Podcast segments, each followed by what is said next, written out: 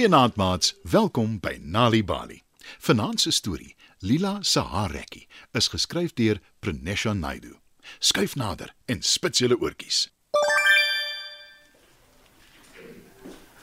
Klas. Het julle geweet die Karoo was nie altyd 'n droë woestyn nie. Miljoene jare gelede was dit bedek met water. Sê Juffrou Naidu op 'n dag vir haar leerlinge. Die leerlinge kan nie glo wat hulle hoor nie. Toe teken hulle juffrou iets op die swartbord. Weet enigiemand van julle wat dit is? Vra sy. Lila se beste maat Millie steek haar hand op en sê: Dis 'n meermin, juffrou. Ek het net so een in 'n fliek gesien. Lila wil wil uitbars van die lag. Maar toe hoor sy Juffrou Naidu sê: Heeltemal reg, Millie. Toe die Karoo bedek was met water, het mense geglo daar bly meerminne. Nooit nie, juffrou. Ek glo dit glad nie. sê Sydney en lag. Maar niemand steur hulle aan hom nie. Almal wil meer weet van die meerminne in die Karoo.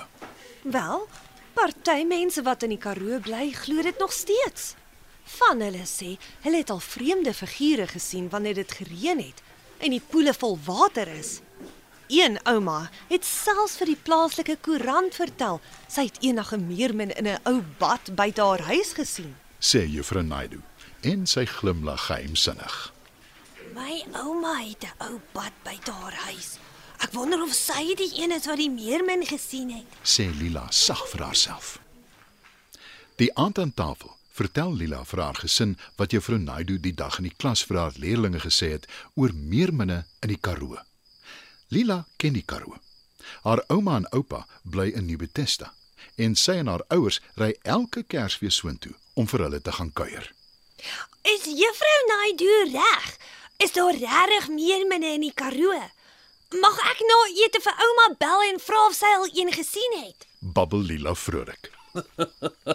Moenie laf wees nie. Dis net 'n bygeloof. Lag pappa. Lila kyk afgehaal na hom. Sy vra liewer nie wat 'n bygeloof is nie. Sy sal dit maar eerder later vir haar in 'n woordeboek gaan opsoek, En moenie jou ouma met die nonsens pla nie, Lila. sê pappa streng. Maar die aand toe mamma vir Lila kom nag sê, fluister sy. Jy kan ouma môre bel en haar vra. Sy sal nie omgee nie. Dankie mamma.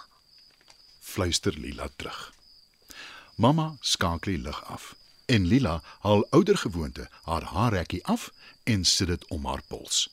Sy slaap graag eerder met los hare.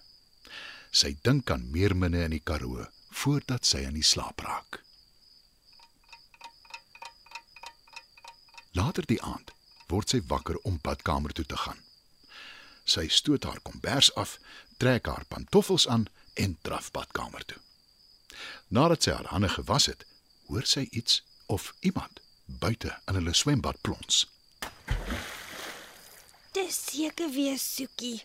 Sy spring graag in die swembad, maar sy's so klein, sy kan maklik verdrink. sê Lila bekommerd. Soekie is haar onnutsige klein hondjie. Sy glip dikwels saans uit by die hondedeurtjie in die kombuis swembad toe. Lila maak die kombuisgordyne oop om te kyk wat aangaan. En ja, so waar. Daar is Soekie. Maar sy sit langs die swembad en sy blaf. Lila sluit die deur oop om Soekie te laat inkom. Soekie! Soekie! roep sy. Maar Soekie luister nie. Sy blaf net vir Lila. Toe draai sy terug na die swembad en sy blaf vir iets of iemand anders. Lila gaan uit om te kyk wat dit is wat Soekie so laat blaf. En daar sien sy so waar 'n meermin.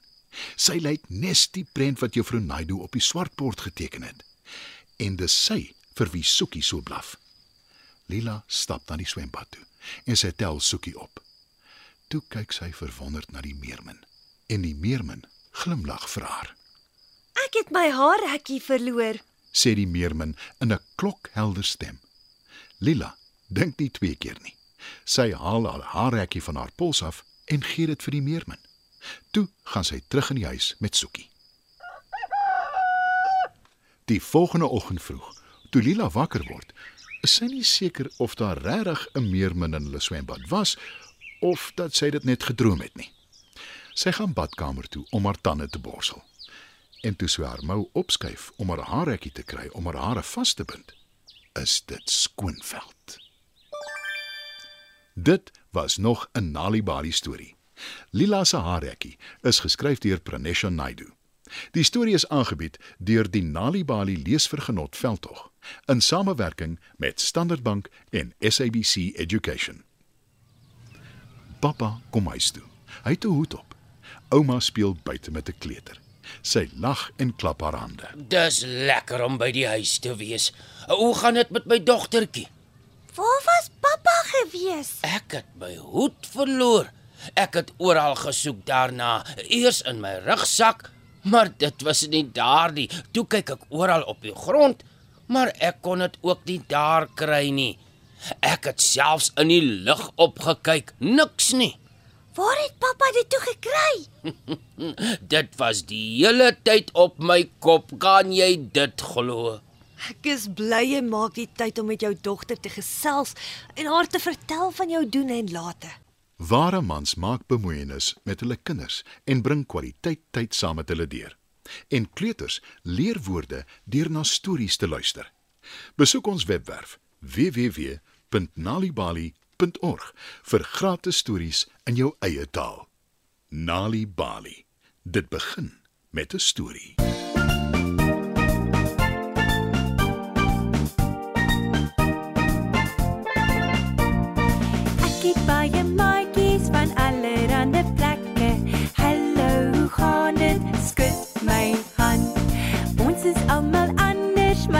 Maar soms